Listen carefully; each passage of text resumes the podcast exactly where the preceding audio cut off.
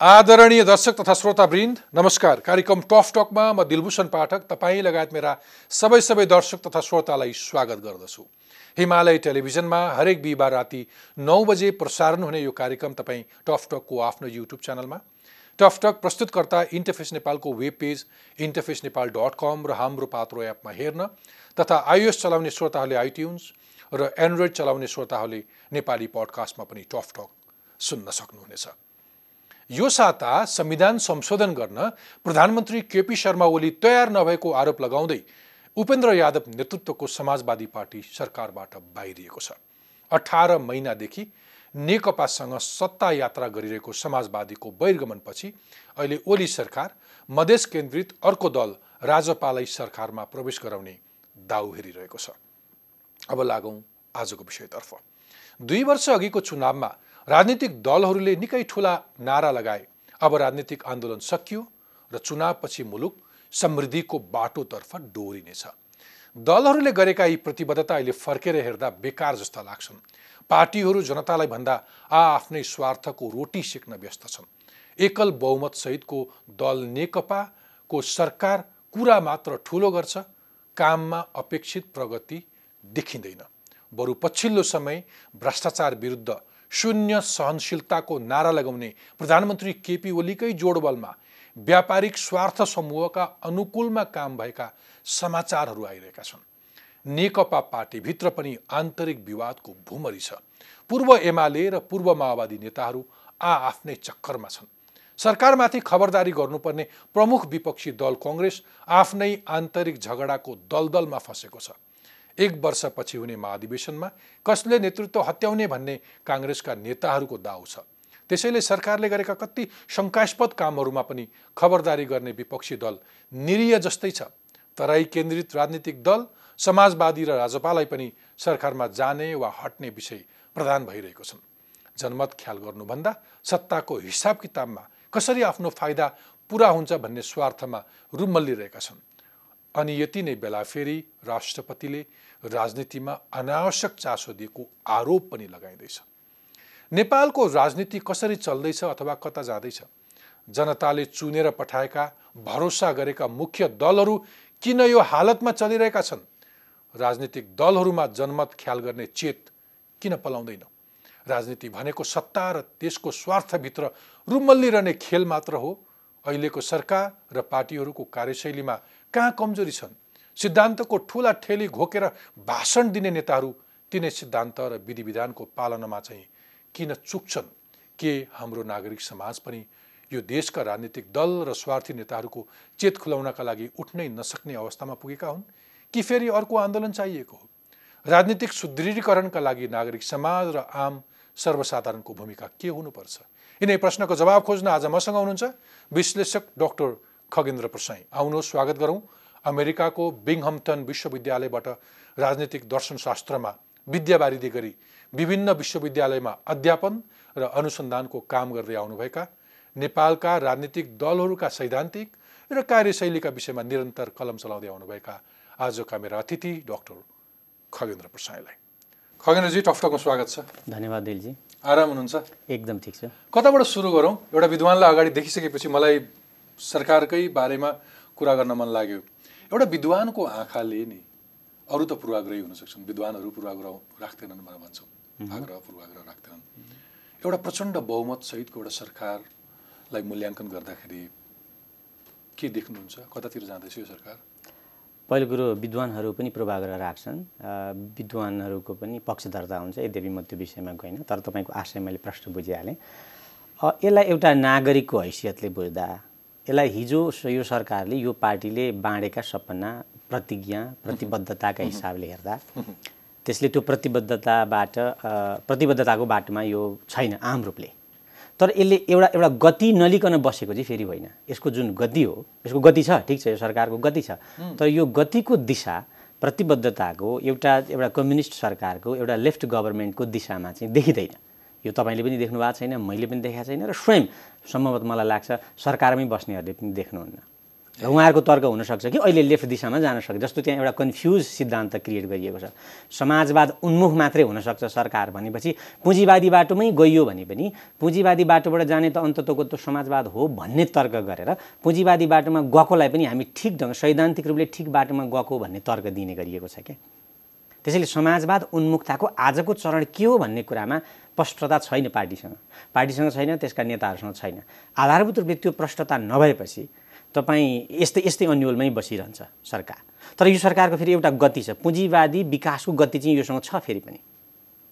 जुन जुन चरित्रको नेपाली समाजको पुँजीवादी अवस्था हो त्यो पुँजीवादी अवस्थाको विकास त छ नि फेरि पनि। मान्छेको कन्जम्सन हेर्नुहोस् आयु बढेको हेर्नुहोस् उपभोग हेर्नुहोस् मान्छेको औषध आय हेर्नुहोस् तिनका उपभोगका वस्तुहरू हेर्नुहोस् त्यो हिसाबले पुँजीवादी बाटोमा त छ अहिलेको समाज नेपाली समाज सरकार छ र एउटा विकास पनि प्राप्त गरेको छ यो समाजले। तर तपाईँले सोचे जस्तो हिजो प्रतिज्ञा गरे जस्तो आन्दोलनले प्रतिज्ञा गरे जस्तो शहीदको सपना जस्तो त नहोला फेरि। तर विकासै छैन भन्ने जुन नकारात्मक सोचलाई पनि म खण्डन गर्न चाहन्छु। तर यसले समाजवादतर्फको जुन प्रतिज्ञा गरेका थियो हिजो आज पनि गर्छ कतिपय ठाउँमा त्यो तर्फ चाहिँ यो गएको छैन। त्यसो भए त्यसको कारण चाहिँ के? के लस्ट कहाँ किन कसरी? यस्तो हुन्छ। यसलाई चाहिँ म फेरि नेपालकै पार्टी मात्रै नेपालकै सरकार मात्रै र नेपाली समाज मात्रै यो विशिष्ट ठाउँमा छ भनेर बुझ्दिनँ। यसलाई अहिलेको विश्व व्यवस्थामा हेर्नुहुन्छ भने खास गरेर नव उदारवाद जस्तो तपाईँलाई सेकेन्ड वर्ल्ड वार पछाडि पुँजीवादी देशहरू पनि समाजवादी बाटोमा गए क्या। बिल्कुल। गए। अमेरिका जस्तो समाज गयो युरोपसँगै गयो जापान गयो ताइवान पछि चाहिँ तपाईँलाई गयो। साउथ कोरिया केही हदसम्म त्यसले समाजवादको एलिमेन्टलाई इन्कर्पोरेट नगरी समाजको एक्सप्लोसिभ सम्भावनालाई नियन्त्रण गर्न सक्दैन। त्यो विस्फोटनको खतरा हुन्थ्यो। कम्युनिजम ट्याक्सी चढेर आउँछ कि आउँदैन भन्ने डिबेट थियो नि एकचोटि त्यस्तो थियो। र त्यो के थियो भने त्यो हिस्टोरिकली त्यतातिर नगई। त्यो समाज व्यवस्था धानी नै सक्छ ठुलो विद्रोह त्यसले कन्फ्रन्ट गर्नु पर्थ्यो नब्बे पछाडि के भयो भने समाजवादी व्यवस्था राम्रो बनाएका युरोपियन समाजवाद भनेको मैले सोसियल डेमोक्रेसीको अर्थमा है बनाएका युरोपहरू र कम्युनिजम अन्तर्गतकै समाजवाद बनेकाहरू पनि एउटा यस्तो इतिहासको फोर्सको मुनि परे जुत्ता मुनि परे त्यो त्यो डरलाग्दो बुट थियो। त्यसले त्यो पुँजीवादको बाटोमा जानै पर्थ्यो नभए क्राइसिस त्यसले धान्न सक्दैन थियो। त्यसैले युरोपको वेलफेयर स्टेट विघटन हुँदै गयो। क्युबाको समाजवाद सङ्कटमा आयो चिनियाहरूको एउटा एउटा एउटा बाटो गयो होइन? हिजोको चिनियाको समाजवादको बाटो नगएर पुँजीवादको बाटो गयो। भारत जहाँ चाहिँ संविधानमै समाजवाद लेखिएको थियो र थुप्रो चिजहरू भारतमा पब्लिक ओनरसिपमा थियो त्यो एकातिर गयो होइन?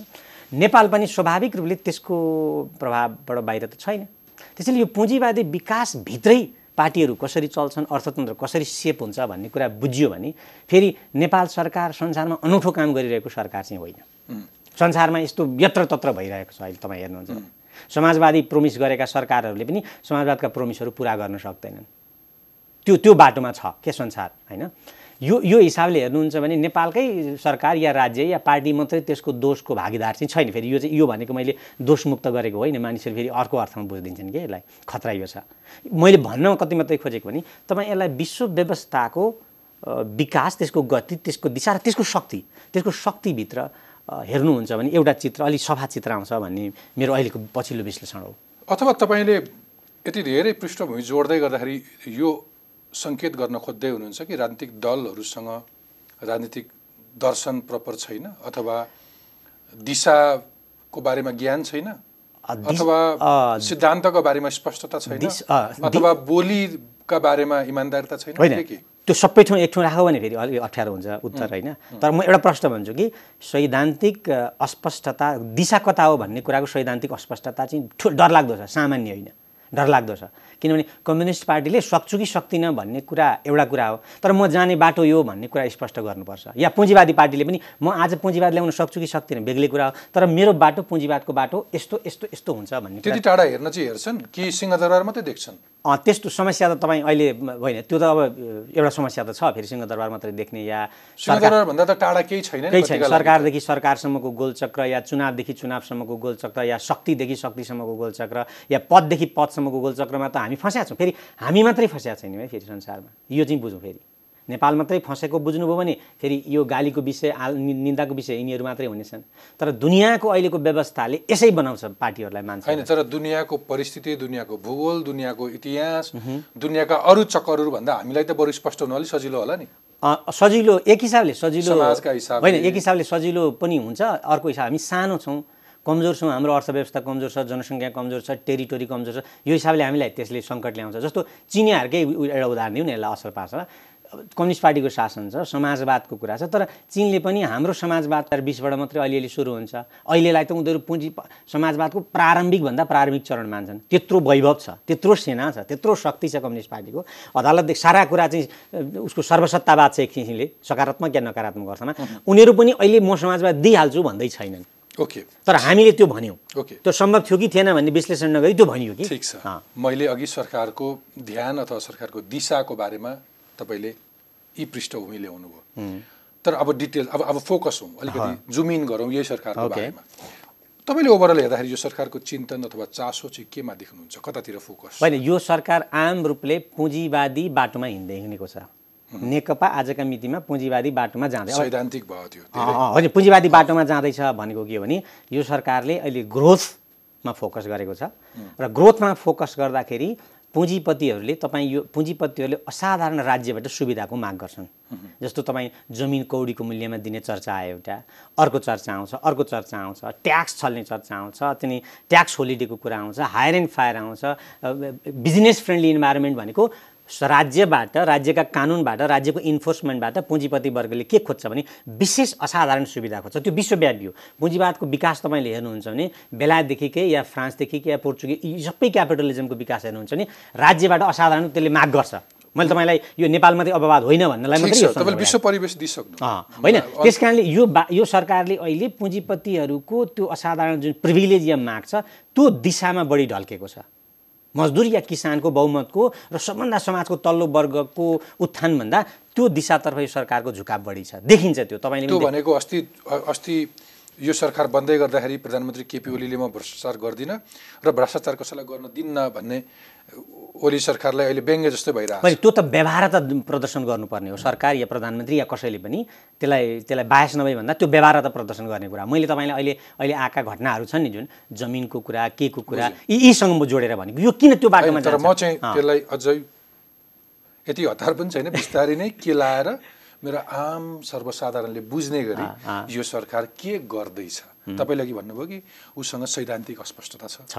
ऊ चाहिँ विश्व परिवेशमा तपाईँले एउटा सिद्धान्तका हिसाबले एउटा लेन्स लगाएर हेर्नुभयो भने तपाईँले देख्ने कुराहरू भन्नुभयो तर मेरो प्रश्न चाहिँ यो सरकारको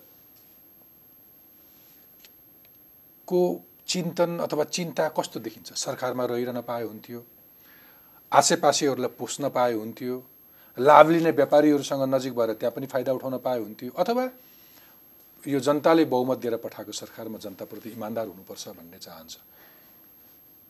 सर्वसाधारणले बुझ्ने भाषा, होइन व्यवहारमा। व्यवहारमा मैले सर्वसाधारणले बुझ्ने नि भाषामा भन्छु। सर्वसाधारणले पनि आफ्नो भाषा विकसित गर्दै पनि लानुपर्ने हुन्छ फेरि। मैले तपाईँलाई अघि भने जब तपाईँ पुँजीवाद पक्षधर्तातर्फ जानुहुन्छ तपाईँले अघि जुन पहिलो व्याख्या गर्नुभयो नि होइन? यो पुँजीवाद पक्षधर भएपछि पहिलो कुरा बढी हुन्छ। होइन आम मान्छेप्रतिको वफादारिता घट्दै घट्दै कमजोर हुँदै जान्छ। होइन तपाईँले भ्रष्टाचारकै मानौँ न उदाहरण गर्नु त्यसैमा म फोकसै गरेर भन्छु। साँच्चै भ्रष्टाचारप्रति यो सरकारले जाइ लाग्ने नै हो भने सरकारले के भन्न सक्छ रिपोर्टमा भने हामीले एक वर्षमा यति कर्मचारी यति मन्त्री यति को को पदमा रहेका व्यक्तिहरूलाई कारवाही गऱ्यौँ अथवा अख्तियारमा पठायौँ। अथवा यति मान्छेलाई सस्पेन्ड गऱ्यौँ भन्ने कुराको जब रिपोर्ट तपाईँले दिन थाल्नुहुन्छ मिडियाले हामीलाई आम जन पब्लिकले दिन। त्यति बेला चाहिँ ल साँच्चै भ्रष्टाचारको विरुद्धमा यो सरकार छ भन्ने देखिन्छ प्रमाणित हुन्छ। तर अहिलेसम्म मैले त्यस्तो देखाएको छैन। अथवा मैले तपाईँलाई फेरि अझ सजिलो पाएँ जस्तो पछिल्लो समय व्यापारिक स्वार्थ राख्ने व्यापारिक समूहहरूसँग सरकारको पहुँच भएको अलिक बढी पब्लिकको भन्दा पनि केही निर्णयहरूमा चाहिँ जनताको हितका लागि भन्दा पनि अलिक बढी व्यापारीलाई पोस्ने खालको काम गरे जस्तो केही निर्णयहरू देखिन्छन्।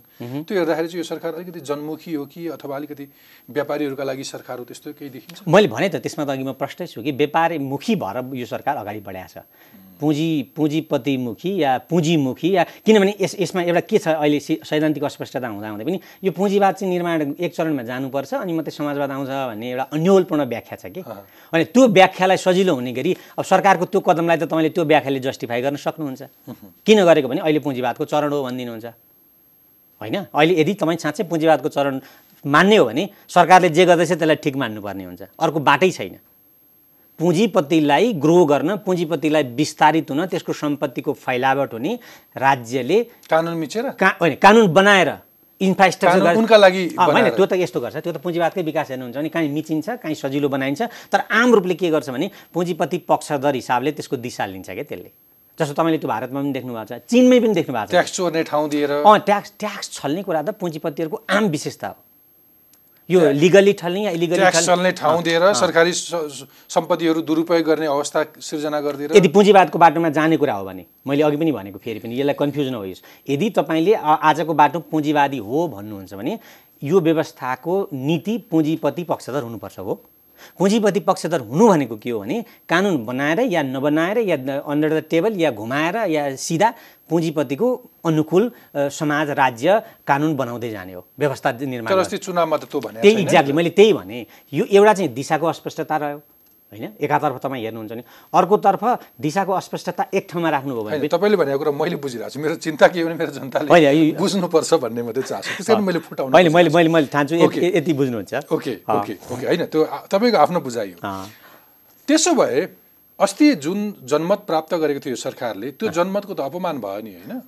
अँ डेफिनेटली डेफिनेटली भयो। यदि त्यो जनमत चाहिँ समाजवाद उन्मुख हुन्थ्यो भने र समाजवाद उन्मुख बाटोमा गइएन भने त्यो जनमतको अपमान भयो। होइन म चाहिँ के भन्छु भने मैले मेरो दर्शकलाई कम आँकेको होइन कि तर केही सर्वसाधारण मेरा दर्शक यस्ता पनि हुन्छ जसले पुँजीवाद भनेको पनि बुझ्नुहुन्न अथवा तपाईँले भनिरहेको समाजवाद भनेको पनि बुझ्नुहुन्न। मलाई यो मात्रै भनिदिनुहोस् कि तपाईँले अस्ति सरकारले जे बाचाहरू गरेको थियो जनतासँग त्यो समाजवाद उन्मुख सरकार हो भने त्यसले यो गर्थ्यो भन्ने कुरा चाहिँ के के हुन् भन्नुहोस् त होइन जस्तो उदाहरण अस्ति उसले गरेका प्रतिबद्धताहरू कसरी पुरा गर्नु पर्थ्यो? सरकारले किन कसरी पुरा पुरा गरे जस्तो जस्तो दुई चारवटा कुरा भनौँ। जस्तो समाजवाद उन्मुख सरकारले आजका मितिमा के गर्न सक्छ भने इभन पुँजीवादी व्यवस्था अन्तर्गत नै फेरि मैले म तपाईँलाई फेरि?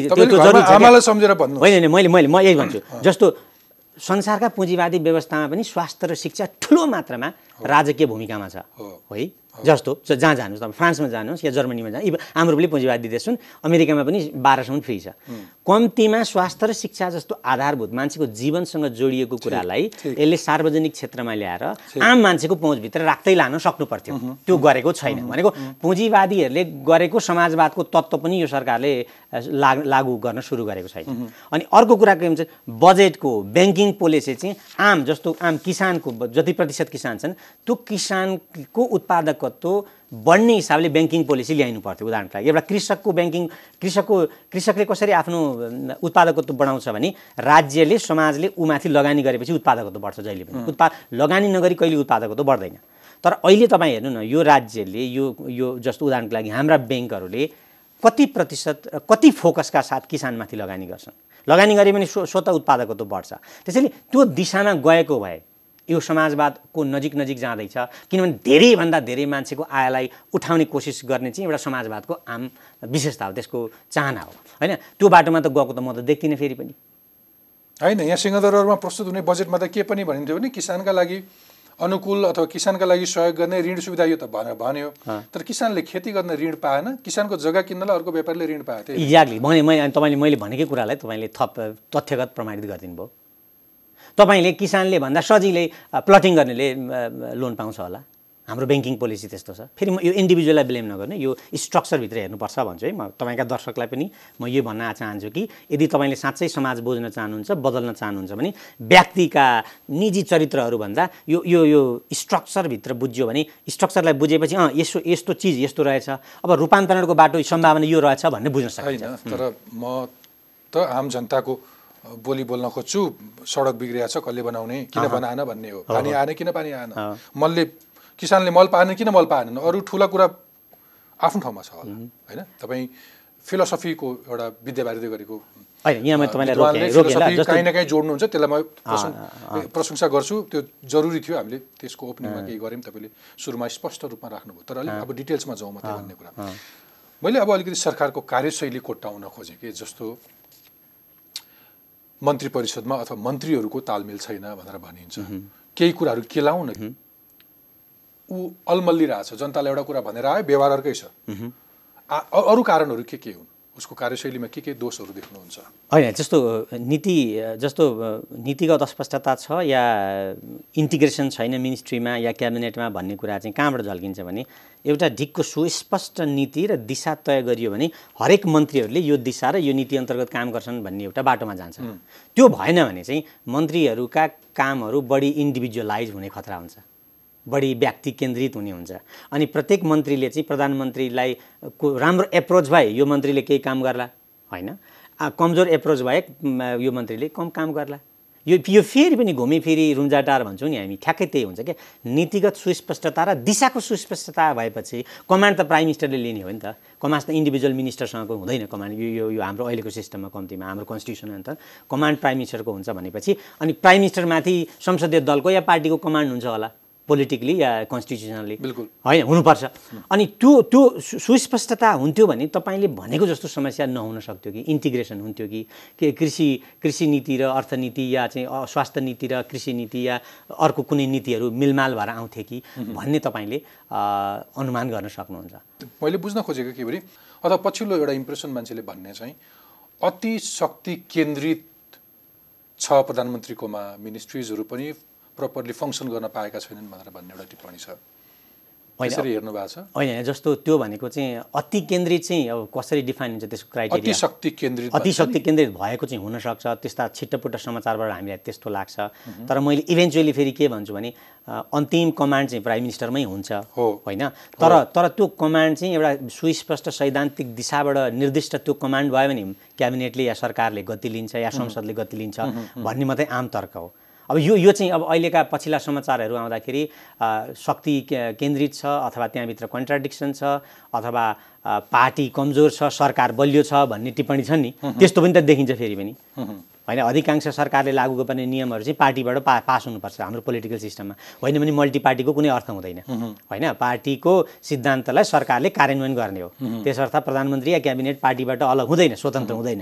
अब यो यो पनि आरोप छ अहिले। किनभने पार्टी कमै मिटिङ बस्छ पार्टीका बैठकहरू कमै बस्छन् पार्टीले कमै सरकारलाई निर्देशन दिएको होला। एक वर्षपछि स्थायी समितिको बैठक बस्यो। एक्ज्याक्टली त्यसपछि त तपाईँ दिशाहीन त हुनुहुन्छ एक वर्षपछि बसेको स्थायी समितिको बैठकमा सबै नेताहरूले सरकारले काम गर्न सकेन पार्टी पनि काम नलाग्ने भयो सरकार पनि काम नलाग्ने भयो भनेर मुख खोलेर भने। भने कतिपयले भने कतिपयले समर्थन गरे। जबकि त्यो पार्टीको एउटा नीति के छ भने तिमी सार्वजनिक रूपमा पार्टीको नेतृत्वको सरकारको विरोध नगर भन्ने स्पष्ट एउटा निर्णय भएको छ। तर भनिरहेछन्। त्यही भनिरहेछन् यो हामी हामी एउटा एक किसिमको सङ्कटमा छौँ। कस्तो सङ्कटमा छौँ भने हामी दिशाहीन अवस्थाको सङ्कटमा छौँ। समाजवाद उन्मुख भन्छौँ हाम्रो दिशा पुँजीवादी बाटोमा छ। पुँजीवादी बाटोमा फेरि काम भकै देखिन्छ तर तर सङ्कट कसरी भयो भने भनियो समाजवाद उन्मुखता हामी बाटो हिँड्यौँ पुँजीवादी बाटो। त्यसमाथि पब्लिकले अलिकति कतिसम्म विश्वास गर्छन् अथवा पब्लिकले के एक्सपेक्ट गर्छन् भन्नेले पनि अर्थ राख्छ? राख्छ मजा लाग्छ। डेमोक्रेसीमा त पब्लिकको एक्सपेक्टेसन नै डिसाइसिभ होइन र भने कसरी राख्यो त फेरि? इलेक्सनमा जाँदाखेरि ती नेताले ती नै पब्लिकलाई के भने? अनि अहिले त्यो ट्विस्ट कसरी भयो भन्दाखेरि त त्यो जनमतको कदर कहाँ भयो? मैले सोधेको प्रश्न पनि त्यही थियो। तिनको मान भयो कि यो यो डेमोक्रेसीको डिस्कनेक्सन भन्छ क्या अहिले। जस्तो पब्लिकले एउटा एक्सपेक्टेसनका साथ पार्टीलाई पावरमा पुर्याउँछ पार्टीले काम गर्दैन अनि काम नगरेपछि त्यो पार्टी फेरि कहिलेकाहीँ सरकारमा जाँदा पब्लिकले काम नगरेकै पार्टीलाई पनि रिइलेक्ट गर्छ कि? अब त्यो पब्लिकले सोच्न पाएको हुँदैन ऊ इन्फर्मड हुँदैन या इन्लाइटेन्ड हुँदैन त्यो लेभलमा ऊ बुझ्न चाहँदैन। भने एउटा समस्याबाट आउँछ। यो त सबैतिर भएको समस्या हो नि त फेरि पनि होइन? अनि यस यो डिस्कनेक्सन जुन छ यो डेमोक्रेसीको लागि ठुलो खतरा हो। तपाईँले अघि भन्नुभयो पब्लिक ओपिनियन नै डेमोक्रेसीमा रुल गर्ने एलिमेन्ट हो कि? तर फेरि सङ्कट त यस्तो छ नि त। म तपाईँलाई एउटा सानो इक्जाम्पल पनि भनौँ न ल यसमै पब्लिकको ओपिनियनकै सन्दर्भमा। अहिले नेकपाभित्रको कति प्रतिशत मानिसहरू स्वास्थ्य र शिक्षालाई सार्वजनिक गरौँभन्दा हो हो भनेर बहुमत आउँछ होला भन्नु त। नेकपाभित्रकै। कस्तो सङ्कटमा छौँ कि हामी? एउटा सैद्धान्तिक सङ्कट नै छ कि नैतिक सङ्कट जस्तो किन फेरि यो प्रश्न विचार गरियोस् है। जस्तो स्वास्थ्य र शिक्षा सार्वजनिक क्षेत्रमा हुनु पर्थ्यो कम्युनिस्ट पार्टीको सिद्धान्तमा। तर कम्युनिस्ट पार्टीकै अहिले ठुलो सङ्ख्याका भोट चाहिँ नि यो कार्यकर्ताहरूले यसको विरोध गर्छन् जस्तो लाग्छ क्या मलाई। गर्छन् पनि। ठिक छ। होइन अब हामीले सिद्धान्तका बारेमा प्रशस्त बहस गऱ्यौँ। म अब अलिकति म चाहिँ अलिकति डे टु डे पिपलसँग कनेक्ट गर्न खोज्छु राज्य नागरिक उसले अपेक्षा गर्ने कुराहरू छन्। पछिल्लो समय चाहिँ अलिकति प्रधानमन्त्रीको स्वास्थ्यले पनि केही फरक परेको हो। यो सरकारलाई अलिकति अलिकति भाइब्रेन्ट बनाउनलाई अथवा अलिकति प्रपर गति दिनका लागि। त्यस्तो भएको हुनसक्छ तर जब जब पार्टी सरकार संस्थागत हिसाबले चल्छ एकजना व्यक्तिको स्वास्थ्य नराम्रो हुने कुराले थोरै असर पार्छ त्यसलाई निर्णायक असर पार्नु हुँदैन। यदि निर्णायक असर पार्छ भने पार्टी या सरकार संस्थागत छैन भन्ने बुझ्नुपर्छ। तपाईँ यत्रो नीति यत्रो सिद्धान्तको व्याख्या गर्ने मान्छेले पछिल्लो केही समय यो सिङ्गो नेकपा कसले चलाएको छ सरकार कसले चलाएको छ भन्ने कुरा पनि फेरि व्याख्या गर्नुपर्छ र पर्दैन पर्दैन। मैले मैले तपाईँ- बुझ्छन् यो स्पष्टै छ। जस्तो कस्तो छ भने अब एकजना मान्छे बिरामी हुँदा सरकार हिजो चाहिँ राम्रो थियो त भन्ने प्रश्न गर्यो भने के उत्तर हुन्छ त? हिजो चाहिँ एकदम समाजवाद उन्मुख हुँदै थियो। एकजना मान्छे या दुईजना मान्छे बिरामी भएपछि त्यसको समाजवाद उन्मुखको दिशा बदलिएर पुँजीवादतिर गएको त होइन होला फेरि पनि। होइन? फेरि यो त महत्त्वपूर्ण प्रश्न होला नि। त्यस कारणले एकजना व्यक्ति बिरामी हुनुभयो या उहाँ पाँच दिन बेड रेस्ट गर्नुभयो भन्ने कुराले सरकारको दिशालाई निर्णय प्रभावित गर्छ। स्पिडलाई प्रभावित गर्छ। निर्णायक रूपले गर्दैन गर्नु हुँदैन। पछिल्लो समय चाहिँ प्रधानमन्त्रीको आफ्नो स्वास्थ्य त्यति ठिक छैन। प्रधानमन्त्री समक्ष नपुगिन्जेलसम्म सरकारको कुनै पनि काम कारबाहीहरू अगाडि बढिरहेको छैन। त्योभन्दा बरु अन्तरको अन्तरमा कसैले कुरा गरिरहेको पनि सुनिन्छ कि बरु प्रधानमन्त्रीज्यूले यो चाबी कसैलाई जिम्मा दियो हुन्थ्यो अथवा अलिकति गति लिन सक्थ्यो कि भनेर भन्छन् थियो तपाईँलाई कस्तो लाग्छ? होइन अब प्रधानमन्त्रीले काम गर्न नसक्ने परिस्थिति भन्दा स्वास्थ्य अन्य कारणले त त्यो स्वाभाविक दिनु परिहाल्छ नि। त्यो संविधानले नै माग्छ पार्टीले माग्छ राजनीतिले माग्छ नैतिकताले माग्छ नि? तर त्यस्तो हो कि होइन भन्ने चाहिँ प्रश्न छ नि फेरि पनि। उहाँ कति सिरियस हुनुहुन्छ भन्ने सूचनै कन्ट्राडिक्टरी आउँछ। उहाँलाई ठ्याक्कै कति कति गम्भीर छ उहाँको स्वास्थ्य भन्ने कुरै बडा अनौठो ढङ्गले आउँछ नि फेरि रहस्यमय ढङ्गले आउँछ क्या। यस्तो यसरी आउँछ कि हामी लोकतान्त्रिक व्यवस्थामा होइनौँ कि हामी एकदमै त्यो इन्ट्रान्सपेरेन्ट ओपेक किसिमको अपारदर्शी राज्य व्यवस्थामा छौँ कसरी आउँछ? त्यो त्यो इभन पार्टीको जिम्मेवारीको बाँडफाँड पनि त्यो कति यथार्थपरक छ अथवा कति देखावटी छ? के त यो चाहिँ अब यो बाँडी चुडी भन्ने सिद्धान्तबाट बढी प्रभावित भएको छ भन्ने लाग्छ। पार्टी र सरकार एउटै सिद्धान्तबाट चल्नुपर्छ। सरकारले पार्टीका सिद्धान्तहरू निर्णय लागू गर्नुपर्छ। र सरकार र पार्टीको बिचमा कन्ट्राडिक्सन नआओस् भनेर सामान्यतया नेतृत्व एउटै मान्छेलाई दिने चलन छ डेमोक्रेसीमा पनि। होइन जस्तो उदाहरणको लागि तपाईँले बेलायतको लेबर पार्टीलाई हेर्नुहुन्छ भने पार्टी र सरकारको पार्टीको नेता र सरकारको नेता एउटै हुन्छ। यस्तो भयो भने के हुन्छ? ल पार्टीले चाहिँ एउटा निर्णय गर्यो। प्रचण्डको पार्टीले सरकार चलाउने कि सरकारले पार्टी चलाउने? इज्याक्टली। आम रूपले पार्टीले एउटा निर्णय गर्यो। अनि सरकारको नेताले चाहिँ त्यो निर्णय मान्नुहुन्न। अब सङ्कट सुरु हुन्छ कि हुँदैन तपाईँको? दुईवटा एउटाले पार्टी चलाउने एउटाले सरकार चलाउने भन्ने कुरै आफैमा सङ्कटग्रस्त सिद्धान्त हो। त्यो कुनै सङ्गठनात्मक सिद्धान्तले त्यसलाई अलाउ गर्दैन कुनै डेमोक्रेटिक सिद्धान्तले अलाउ गर्दैन। यस्तो भयो भने के हुन्छ दिलजी? मलाई तपाईँ आफै भनिदिनुहोस् कि एकजना नेता भएको पार्टीले एउटा थोक निर्णय गर्यो तर सरकारले त्यसको ठिक उल्टो कुरा लागू गर्यो भने के हुन्छ?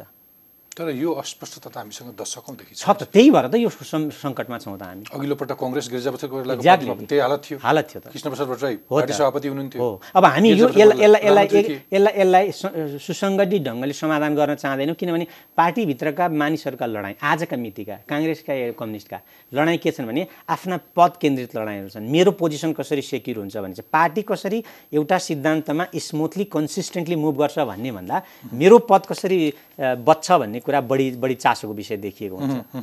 कहिल्यै पनि हुँदैन पार्टी एउटाले चलाउने र सरकार एउटाले चलाउने भन्ने सिद्धान्त एकदमै असङ्गत सिद्धान्त हो। त्यो लागू गर्ने चिजै भेट्दैन क्या उसले।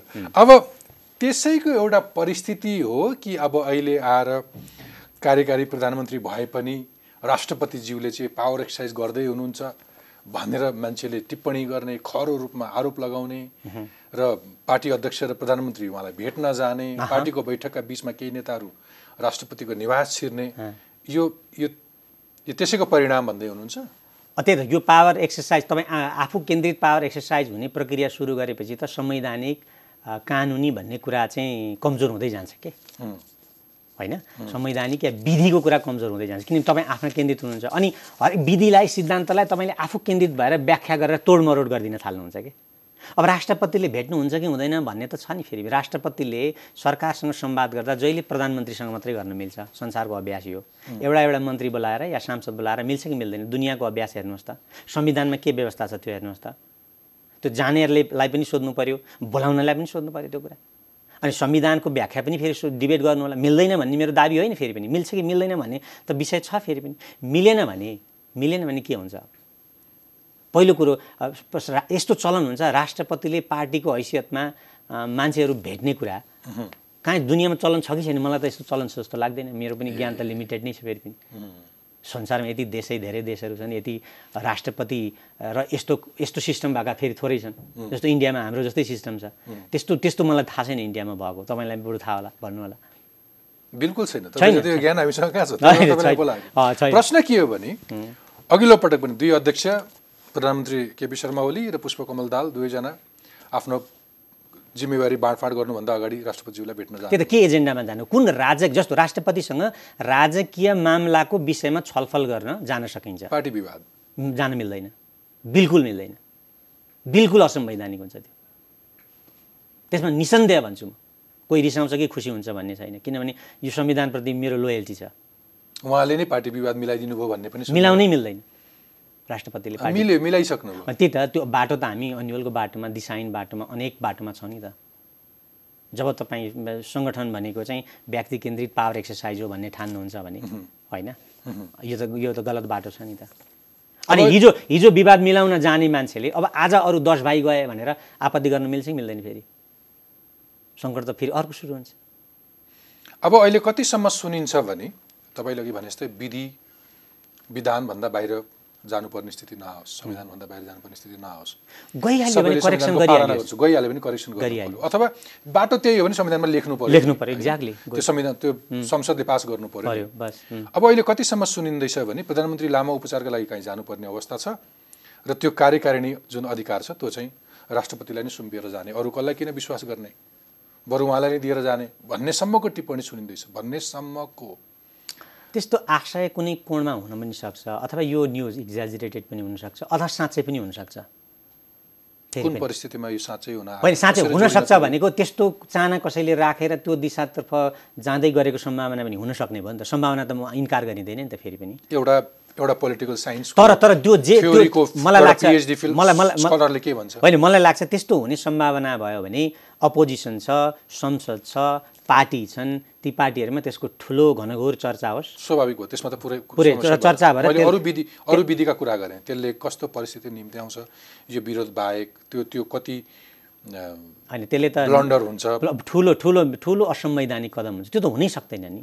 यो संविधानले त्यसको काहीँ त्यसको स्पेसै राख्दैन। किन त्यो कल्पना गरिन्छ? तपाईँलाई? पोलिटिकल मोरालिटीको हिसाबले पनि त्यसको कुनै ठाउँ छैन हेर्नुहोस्। त्यसमा किन त्यो हल्ला गरिन्छ? किन त्यो प्रयत्न गर्न खोजिन्छ? अहिले अहिलेको हाम्रो नेपाल नेपालको प्लस दुनियाँको चाहिँ पोलिटिकल पावर भनेको चाहिँ त्यो मोरालिटीबाट डिभोइड भएको पोलिटिकल पावर जस्तो छ कि। होइन मैले तपाईँको फिलोसफी सँगसँगै मैले तपाईँलाई स्टोरिजहरू त्यो घटनाक्रमलाई रिलेट पनि गर्न exactly. मैले- मैले- आग्रह त्यो लेन्स लगाउँदै जस्तो मैले तपाईँलाई भने कि सिधै सोध्छु ठाडै। तपाईँलाई कस्तो लाग्छ? राष्ट्रपतिज्यूलाई आफै राजनीतिमा सक्रिय हुने चाहना छ? अथवा अरू कसैले उस्काइरहेछन्। होइन त्यो चाहिँ म फेरि अनुमानको रूपमा भन्दिनँ। त्यो दुइटै पनि हुनसक्छ। त्यो दुइटै पनि हुनसक्छ। अथवा राजनीतिमा राष्ट्रपतिलाई हस्तक्षेप गर्ने चाहनै नभएको पनि हुनसक्छ। तर पछिल्ला घटनाहरूले चाहिँ हो कि हो कि जस्तो चाहिँ सम्भावनातिर सङ्केत गर्छ। तर तर यो त आ आएका दिनमा अनफोल्ड हुँदै जाने कुरा हो। होइन? किनभने तपाईँ प्रेजुडिस राखेर त फ्याट्टै स्टेटमेन्ट दिन सक्नुहुन्न। तर तर त्यस्तो हुने कुरा जस्तो अघि मैले भने नि राष्ट्रपतिलाई दुईवटा नेताले भेट्ने कुरा मन्त्री प्लस पार्टीका नेताहरूले भेट्ने कुरा यो आफैमा संविधान अनुकूल छैन भन्ने मलाई लाग्छ। ओके। यो यस्तो पनि हो जस्तो कि तपाईँको पहिलो राष्ट्रपतिलाई पनि विवाद मुक्त बनाउन विवाद मुक्त राख्न सकिएन विवादमै मुछियो। अहिलेका राष्ट्रपतिज्यूलाई पनि फेरि विवादित बनाउन खोजिँदैछ। कतै कुनै अभिष्ट पहिले राजाकै चाहना गर्नेहरूले त्यस्तै कुनै त्यो लेभलको कन्सपिरेसी थ्योरीमा चाहिँ म गइनँ। होइन? त्यस्तो अभिष्ट राखिँदैछ भने पार्टी र राष्ट्रपति सरकार सबै सचेत हुने बित्तिकै त त्यो अभिष्ट त पानीको फोको उडे जस्तो शीत उडे जस्तो उडेर जान्छ त। त्यसमा त कुनै समस्यै छैन नि। त्यस्तो अभिष्ट कसैले राख्दैछ र प्रचार गर्दैछ भने त्यस्तो होइन भन्ने कुरा व्यवहार त सातवटा कदमबाट देखाउँदा त सकिहाल्यो नि। होइन र? त्यसमा के त्यस्तो ठुलो के समस्या छ? त्यसमा त्यसमा चाहिँ अरू कुनै सिद्धान्त हुँदैन तपाईँले भनेको थ्योरिजहरू हुँदैन। होइन थ्योरिज त छ नि फेरि पनि। त्यो कन्स्टिट्युसनलिजमभित्र टेक्ने हो क्या? त्यो त्यसको थ्योरी ब्रोडर थ्योरी त कन्स्टिट्युसनलिजम भन्ने छ नि त। ओके। ओके त्यसो भए अब अलिकति यो सरकारको कुरा गऱ्यौँ। अब अलिकति प्रमुख विपक्षी दलको कुरा गरौँ। कस्तो लाग्छ अहिलेको अपोजिसन पार्लियामेन्ट हेऱ्यो भने प्रमुख प्रतिपक्षी दल छ त्यसले आफ्नो धर्म निर्वाह गरेको छ? छैन बिल्कुल छैन। त्यो त्यो आन्तरिक रूपले पनि सङ्कटमा छ लोकतान्त्रिक विधिका हिसाबले। र बाहिर भित्रपट्टि आन्तरिक रूपले त्यो जब क्राइसिसमा हुन्छ त्यसले बाहिर आफ्नो इफेक्टिभ भूमिका निर्वाह गर्नै सक्दैन। अहिलेको नेपाली काङ्ग्रेसको समस्या त्यो आन्तरिक भनेको तपाईँले अघि भनेको जस्तो आफ्नो दुनो कसरी सोच्याउने त्यहाँभित्र त्यो निजी निजी हित चाहिँ प्रिभेल गरेको निजी हित हावी भएको छ। सामूहिक हित संस्थागत हित र संस्थागत विधिभन्दा निजी हित निजी आकाङ्क्षाहरूलाई अभिव्यक्ति गर्ने बाटो चाहिँ नेपाली काङ्ग्रेसमा पनि मजाले हावी भएको छ। त्यसको मूल चरित्र अहिले त्यो छ। त्यो भनेको नेपाली काङ्ग्रेस फेरिमा कोही एउटै पनि राम्रो मान्छे छैन भन्ने अर्थ हुँदैन। कोही पनि सिद्धान्त नभएको मान्छे छैन भन्ने अर्थ चाहिँ राख्दैन फेरि पनि। हावी भएको छ भने त्यसले जित्या अहिले तर उसले त्यति भइकन पनि पार्लियामेन्टमा अलिकति स्ट्रङली आवाज उठाउन सक्दाखेरि अथवा सरकारले कति गरेका कामहरू शङ्का गर्ने ठाउँहरू छन् अथवा गलत निर्णयहरू जस्तो लाग्यो भने त पार्लियामेन्टमा ऊ बोल्नु भनेको पनि उसले आफ्नो राजनीतिक धर्म निभाउनु हो उसले आफ्नो करियर ग्रोथ गर्नु हो ऊ जनताप्रति इमान्दार हुनु हो नि होइन? हो। तर कतिपय अवस्थामा कस्तो हुन्छ भने नेपाली काङ्ग्रेसले अहिले विरोध गर्ने कुनै दसवटा चिज छान्यो भने सम्भवत त्यो अस्ति नेपाली काङ्ग्रेसले नि सुरु गरेका चिजहरू पनि हुन्छन्। सङ्कट मोरल क्राइसिस त्यहाँनिर आउँछ कि। होइन? म चाहिँ यसलाई कसरी बुझ्छु? अहिले अहिले अपोजिसन किन छैन? अहिले पार्लियामेन्टभित्र दुईवटा पार्टीको बिचमा कन्ट्राडिक्सन किन छैन भन्दा म अलिक ब्रडली बुझ्छु है। फेरि पनि तपाईँले यो यसलाई कसरी बुझ्छु भने जस्तो उदाहरणको लागि यदि तपाईँले प्रतिस्पर्धात्मक राज्य व्यवस्थामा सिद्धान्तका आधारमा प्रतिस्पर्धा हुने हो। सिद्धान्त अर्थव्यवस्थाको बारेमा हुन्छ। है अर्थव्यवस्था भनेको तपाईँ समाजवादतिर जानुहुन्छ कि पुँजीवादतिर जानुहुन्छ भने अर्थव्यवस्थाको अर्थमा त्यो सिद्धान्त हुन्छ। जब यो नेकपाको सरकार नै पुँजीवादी बाटोमा गएपछि यो काङ्ग्रेसलाई अपोज गर्नुपर्ने ठाउँै कम छ क्या स्पेस बिचराको कम छ खुम्चिएको छ क्या। यदि यो समाजवादी बाटोमा गएको भने यसले आफ्नो पुँजीवादी चरित्र देखाएर अपोजिसनमा आउँथ्यो। अब यो पनि पुँजीवादी बाटोमा गइसकेपछि यसले अपोजिसन केमा गर्ने? त्यसो भए काङ्ग्रेसको आफ्नो आन्तरिक जीवन अथवा त्यो पार्टी आफैको फ्युचर के त? होइन यो चाहिँ कस्तो हुन्छ यदि तपाईँले अहिले भने जस्तै पुँजीवादमा यो सरकार गइरहेको छ र उसले प्रपर क्याटर गर्यो भलै अस्ति चुनावमा दिएका एजेन्डाहरू बिर्सियो भने कङ्ग्रेस कहाँ? होइन जो चाहिँ जस्तो अहिले हामी तपाईँ इन्डियामा पनि देख्नुहुन्छ नि बिजेपी पावरमा छ कङ्ग्रेस चाहिँ एकदमै कमजोर अवस्थामा छ। यद्यपि राज्यको कुरा अलग लाग्नु राष्ट्रिय राष्ट्रिय पोलिटिक्सको कुरा गर्दा। किनभने त्यो दुइटैले सर्भ गर्ने एउटै पुँजी पुँजीपति वर्ग हो क्या? अथवा एउटै पुँजीपति वर्गको इन्ट्रेस्टलाई उनीहरूले सर्भ गर्छन्। पुँजीपति वर्गले आफ्ना लागि कुन पार्टी या व्यक्ति अनुकूल हुन्छ त्यसैलाई छानिदिन्छ। अब यो फेरि तपाईँले अलिक अप्ठ्यारो क्लिष्ट भयो भन्नु होला होइन फेरि अब यो बुझ्नै पर्छ क्या अब। क्लिष्ट भए पनि यसको अर्को उपाय छैन। होइन त्यो त ब्रोडर फ्रेमवर्कमा मैले अब त्यो फ्रेमवर्कलाई एकछिन थाती राखेर मैले अरू केलाउन मात्रै खोजेँ। फोर्थ हामी त्यसमा जान नेपाली काङ्ग्रेसको भविष्य नेपाली काङ्ग्रेसको भविष्य केमा हुन्छ भने यदि यदि यो पार्टी नेकपा समाजवादी बाटोमा जाने निर्णय गरियो र गयो भने नेपाली काङ्ग्रेसको भविष्य एउटा पुँजीवादी पार्टीको रूपमा रहन्छ फेरि। मजाको अपोजिसन बन्छ। अब यो सरकार ने कम्युनिस्टहरू नै स्वयं पुँजीवादको बाटोमा हिँडिरह्यो भने नेपाली काङ्ग्रेसले कि आफूलाई प्रजातान्त्रिक समाजवादी शक्तिको रूपमा स्थापित गर्ने कोसिस गर्यो भने उसको स्पेस बन्छ। यो पार्टी चाहिँ पुँजीवादी हुन्छ कम्युनिस्ट पार्टी चाहिँ। अनि नेपाली काङ्ग्रेस चाहिँ समाजवादी पार्टी हुने हुन्छ। त्यो एउटै सिद्धान्त बोकेपछि तपाईँ दुईवटा अस्तित्व कहाँ खोज्नुहुन्छ त? त्यसले अकुपाई गरिदिइसक्यो त ओके। ओके। अब संसदमा हामीसँग राजपा पनि छ समाजवादी जस्ता मधेसवादी दलहरू पनि छन्। तर यी दलहरूलाई हेऱ्यो भने सत्ताकै वरिपरि खेलिरहेको फिल हुन्छ यिनको फ्युचर के छ? होइन यिन यिनको फ्युचर त साना पार्टीहरूको फ्युचर चाहिँ अब हाम्रो प्रदेशीय व्यवस्था अन्तर्गत प्रदेशसँगै सम्बन्धित पनि भएर विकसित हुनसक्छ इन्डियामा जस्तै। होइन? अब यो अर्को चाहिँ कस्तो हुन्छ भने राष्ट्रिय राजनीतिमा चाहिँ तिनको अवस्था जस्तो इभन इन्डियामै पनि डिसाइसिभ हुँदैन कहिलेकाहीँ डिसाइसिभ हुन्छ अङ्कको हिसाबले। त्यो त्यस्तै बाटोमा हामी जान्छौँ कि भन्ने एउटा देखिन्छ सम्भावना। ओके। इभन बेलायतमै पनि त क्षेत्रीय पार्टीहरू त छन् नि तपाईँले हेर्नु अथवा अथवा समाजवादी पार्टीले सरकार छोडे अब राजभा प्रवेश गर्छ। अलि ढिलो चाँडो फेरि उही आउँछ। यही लुकामारी चलिरहेको होइन यो चाहिँ फेरि पनि फेरि गणितको सरकारको सरकार टिकाउनेको सरकार हेरफेर गर्नेको घुमिफिरी सरकारकै वरिपरि घुमेका यी समीकरणहरू हुन्। यी सिद्धान्तका आधारमा भिजनका आधारमा बनेका समीकरण हुन् जस्तो मलाई लाग्दैन। त्यसको कुनै पर्याप्त कारण छैन। हिजो एउटा पार्टी थियो अब त्यो बाहिरिँदैछ होइन? अनि अर्को आउँदैछ भन्ने त भर्खरकै आज एक दुई दिनका समाचार ओके अब यी तमाम अगाडिपट्टि हामीले जुन आजसम्म अहिलेसम्म विश्लेषण गरेर आयौँ नागरिक समाजको अथवा पब्लिकको भूमिका कहाँनिर कसरी बस्छ? तपाईँले अघि भन्नुभयो एउटा स एउटा कुनै दल आयो तपाईँलाई मत माग्ने बेलामा एउटा कुनै कुराहरू भनेर गयो र ऊ अहिले त्यो जनताबाट डिस्कनेक्टेड भन्दा हुन्छ अथवा जनतासँग लोयल छैन ऊ अहिले अरू कसैलाई क्याटर गरिरहेछ। ओके पुँजीवादको बाटोमा हिँड्दैछ क्यापिटलिस्टहरूलाई क्याटर गरिरहेछ राइट? सो मलाई भन्नुहोस् कि यहाँ सिभिल सोसाइटी कहाँ छ? तपाईँले सिभिल सोसाइटी भनेको एक्ज्याक्टली केलाई भन्नुभएको? किनभने त्यसका अनन्त परिभाषा छन्। नागरिक समाज एज अ। नागरिक जो ओके। त्यही नागरिक जसले एक्ज्याक्टली तपाईँले आम नागरिकको कुरा गर्नुभएको छ भने आम नागरिकको भूमिका नै निर्णायक हुन्छ डेमोक्रेसीमा भन्ने आम रूपबाट सुरु गरौँ। तर कस्तो हुन्छ भने त्यो आम नागरिक ठ्याक्राकै सङ्गठित भइसकेको हुँदैन के? अनि सङ्गठन बिना पावर आउँदैन। अब आम नागरिक कहाँ सङ्गठित छ? भन्दा त्यो फेरि सबै पार्टीमै सङ्गठित छ के?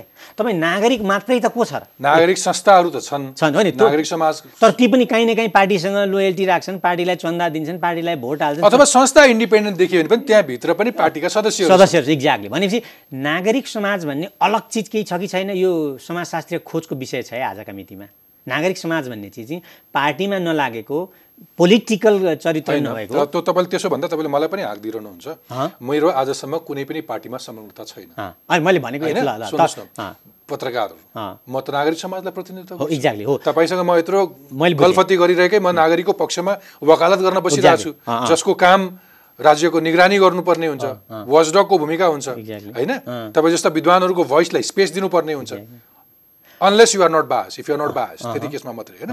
सो तपाईँले तपाईँको तपाईँको मैले आशय बुझेँ। यसको अर्थ नागरिक समाज हुनु हुँदैन नागरिक स्वतन्त्र हुनु हुँदैन भन्ने मेरो आशय के मात्रै होइन कि। त्यो स्वतन्त्र दृष्टिकोण राख्ने नागरिकले मात्रै पोलिटिकल डेमोक्रेसीलाई ठिकठाक गर्छ यो। अथवा राज्य सञ्चालनमा उसको सबैभन्दा ठुलो निगरानी नागरिक समाजले राख्न सक्छ नागरिक। आफैले राख्न सक्छ। होइन जस्तो पार्टीमै पनि त पार्टी मेरो पार्टीले ठिक गर्यो कि गरेन भनेर उसले आफ्नो पार्टीमा प्रश्नहरू उठाउन थाल्यो भने त।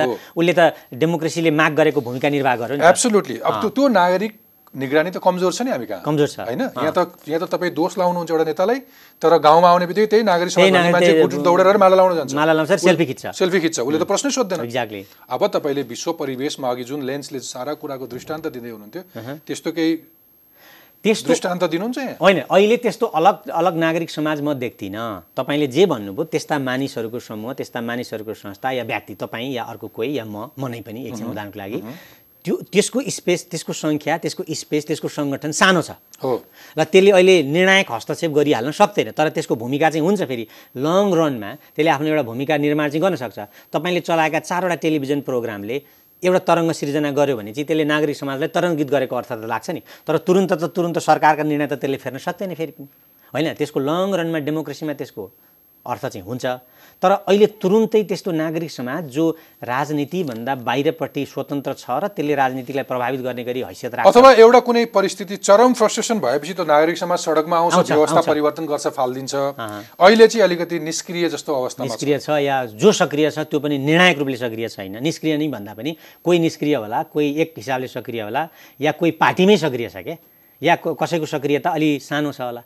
त्यसले राष्ट्रिय स्तरको अर्थ राख्दैन होला भन्ने ओके। बुझ्छु म। ओके। अब अघि हामीले यति धेरै टिप्पणी गरिसकेपछि केही पोजिटिभ नोटमा एन्ड गर्छु म अक्सर यो सो। तपाईँले सरकारले जे गरे पनि सही लागेका केही राम्रा कदमहरू काहीँ काहीँ चुनावका नारासँग तालमेल मिल्ने केही त्यस्ता घटनाक्रमहरू अथवा सन्तोष गर्ने ठाउँ त होला नि एक दुईवटा। कुरा यसरी हेरौँ न जस्तो अर्थतन्त्रको डाइनामिजमको हिसाबले एउटा दिशामा जाने अर्थतन्त्रको डाइनामिजमको हिसाबले अहिले नेपाली समाज र सरकारले यदि त्यसको दो तपाईँले दोष गुण दोष सरकारलाई दिनुहुन्छ भने त्यो ठिकै ठाउँमा छ। जस्तो ग्रोथमा चाहिँ नेपाली समाज त्यस्तो पछाडि परेको छ। यद्यपि त्यो त्यो प्रोडक्टिभ ग्रोथ नभएर जस्तो उत्पादनमा आधारित ग्रोथ नभएर अर्कै फाइनेन्सियल ग्रोथ छ। त्यसले सङ्कट भोलि ल्याउँछ। तर त्यो फाइनेन्सियल ग्रोथ पनि अन्ततोगत्वा चाहिँ समाजलाई फेरि रिइन्भेस्ट गर्न उपयोगी तर तर मैले चासो राख्न खोजेको त रोजगारीको ग्रोथ कस्तो छ? छैन। इन्डस्ट्रीको ग्रोथ जस्तो उदाहरणको लागि हेर्नु एग्रिकल्चरल प्रोडक्सनको ग्रोथ कस्तो छ? एकदम एकदम कम छ एकदम कम छ। जस्तो जुन दिशा तपाईँले जे सपना राख्नु भएको छ पाँच या दस वर्षलाई त्यो दिशामा छैन त्यो ग्रोथ त्यो रेटमा छैन। त्यो भनेको फेरि सबै कुरा नकारात्मक छ फेरि अथवा भनाइ र गराइमा नै अन्तर छ। अन्त छ त त्यो त प्रष्टै छ नि त। त्यो त तपाईँले सामान्य स्ट्याटिस्टिक्स हेर्नुभयो भने कुनै कुनै बिलेबर द पोइन्ट नगरिकन तपाईँले त्यो हेर्नुभयो भने त देखिन्छ नि त। तर मैले पोजिटिभ नोटमा एन्ड गर्न खोजेँ मैले तपाईँलाई पोजिटिभ नोट जेनरल सेन्समा भने। अहिले हाम्रो समाजमा इन्टरनेसनल यो छ त्यो त छ जस्तो चाइनासँगको सम्बन्ध विस्तारमा भयङ्कर ठुलो फड्को मारेको तपाईँले इन्टरनेसनल भन्दा मैले सम्झेँ। किनभने स्टेट भिजिट्सहरू भए स्टेट भिजिट हुँदाखेरि किनभने हिजो अहिले मैले केही ठाउँमा अन्तर्वार्तामा यो भनेको छु कि अहिले हाम्रो यो सोभरेन्टीको अङ्क बढेको छ। सोभरेन्टी कहिले पनि जिरो या हन्ड्रेड पर्सेन्ट हुँदैन। सोभरेन्टी भनेको रिलेटिभ चिज हुन्छ होइन? इभन अमेरिकाकै सोभरेन्टी पनि हन्ड्रेड पर्सेन्ट हुँदैन। त्यहाँ पनि विदेशी व्यापारीहरूले ठुलो भूमिका खेल्छन् त्यहाँको प्र, राष्ट्रपतिलाई प्रभावित गर्ने होइन? इजरायलका या अरबका व्यापारीहरूले। अनि त्यस कारणले तपाईँ यहाँ एउटा जानुहुन्छ भने जस्तो अहिले सोभरेन्टीको हिसाबले नेपाली राज्य नेपाली समाज अलिकति दुई अङ्क प्राप्त गरे हो कि भन्ने प्रश्न देखिन्छ। त्यो त सकारात्मक कुरा छ फेरि पनि। ओके। फेरि ओके। त्यसो भए पोलि पछिल्लो पोलिटिकल घटनाक्रममा पनि कुनै पोजिटिभ अलिकति सकारात्मक कुनै लाइट पनि फिल गर्नुहुन्छ? जस्तो एकजना अध्यक्षले अलिकति बढी आफ्नो अधिकार अर्का अध्यक्षलाई बाँडफाँड गर्नुभयो होला अधिकार भलै पछिल्लो समय पार्टीको बैठकमा धेरै मेरो मेरो राष्ट्रपति समेतलाई जोड्ने मुस्ने कामहरू भए।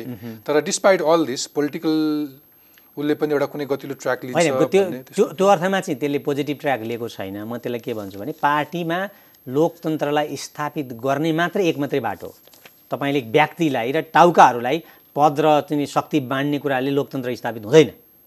कमिटी प्रणालीलाई बलियो बनाउने केन्द्रीय कमिटी बसिरहने अर्को स्ट्यान्डिङ कमिटी बसिरहने अर्को कमिटी बसिरहने कुराले मात्रै यसलाई राइट ट्र्याकमा लान्छ। यो पनि प्रष्ट छ। अब अहिले यसो हेर्दा कन्ट्राडिक्सन यसो प्यासिफाई भए जस्तो अलिक मिनिमाइज भए जस्तो चाहिँ लाग्छ तपाईँलाई। तर त्यो कन्ट्राडिक्सन फेरि आइहाल्छ नि। विधि गलत भएपछि त कन्ट्राडिक्सन त फेरि आइहाल्छ नि गलत तरिकाले आउँछ। हुन्छ खगेनजी तपाईँको महत्त्वपूर्ण समय र विचारका लागि धेरै धेरै तपाईँलाई पनि धन्यवाद। Thank you